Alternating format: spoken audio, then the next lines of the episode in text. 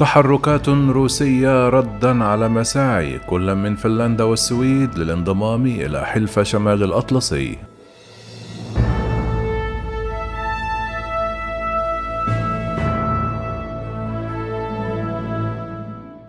على وقع تقدم السويد وفنلندا بطلب للانضمام رسميا لحلف شمال الأطلسي وانسحاب روسيا من مجلس الدول بحر البلطيق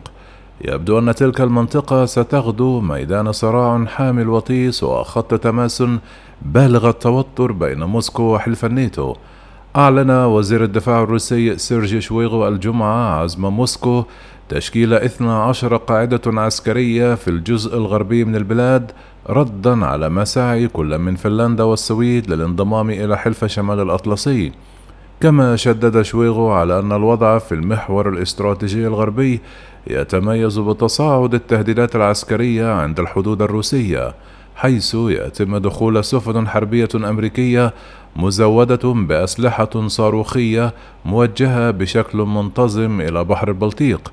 أكد المسؤول الروسي أن البحرية الأمريكية نفذت منذ مطلع العام الجاري على مقربة من مقاطعة كلينغراد الروسية ستة مهام تشمل الدخول في منطقة مفترضة لإطلاق صواريخ مجنحة كما زادت عدد المهام التدريبية القتالية المنجزة من قبل سفن بحر البلطيق الروسية بواقع 42% ما يشمل أكثر من 300 تمرين قتالي باستخدام مختلف أنواع الأسلحة تعليقا على تصاعد التوتر في منطقة بحر البلطيق وأوروبا الشمالية ما بين موسكو وعواصم الغرب. قال باحثون أن التوتر في هذه المنطقة يتصاعد بوتيرة سريعة كما بلغ ذروته مع الانسحاب الروسي من مجلس بحر البلطيق في مؤشر على أن روسيا لم تعد تجد أهمية من وجودها ضمن هذا المجلس الذي يضم عددا من الدول المعادية. فهذا المجلس وفقا لموسكو بات أداة بيد الناتو للإضرار بروسيا وتهديد مصالحها في هذه المنطقة البحرية الاستراتيجية. كما أضاف خبراء بأن موسكو الآن في صدد إعداد العدة للتصرف عسكريا بغرض حماية حدودها الشمالية والغربية في وجه التهديدات الأطلسية المتزايدة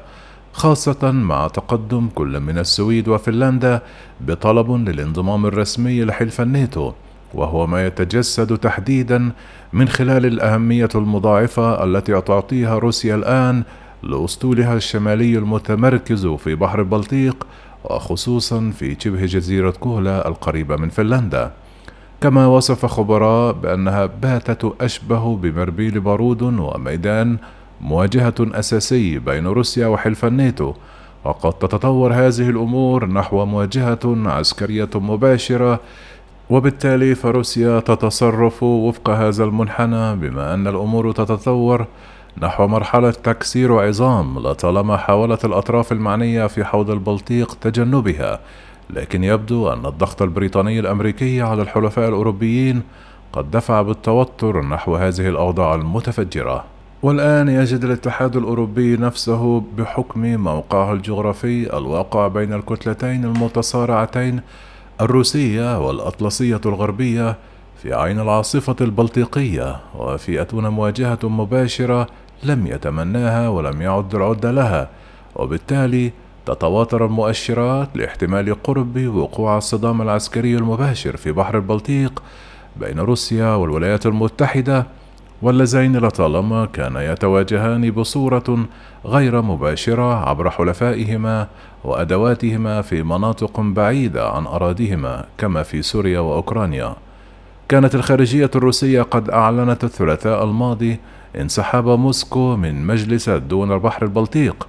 كما جاء في بيانها ردا على الأعمال العدائية. بعث وزير الخارجية الاتحاد الروسي سيرجي رافروف برسالة إلى وزراء البلدان الأعضاء في مجلس دول بحر البلطيق والمفاوض السامي للاتحاد الأوروبي للشؤون الخارجية والسياسة الأمنية. كذلك إلى أمانة المجلس في ستوكهولم بإشعار بالانسحاب من المنظمة وفي نفس الوقت قررت الجمعية الفيدرالية لروسيا الاتحادية الانسحاب من المؤتمر البرلماني لبحر البلطيق. كما أشارت الخارجية الروسية إلى أن إنهاء العضوية في مجلس دول بحر البلطيق لن يؤثر على وجود روسيا وحضورها في المنطقة مشددة على أن محاولات إقصائها من بحر البلطيق محكوم عليها بالفشل.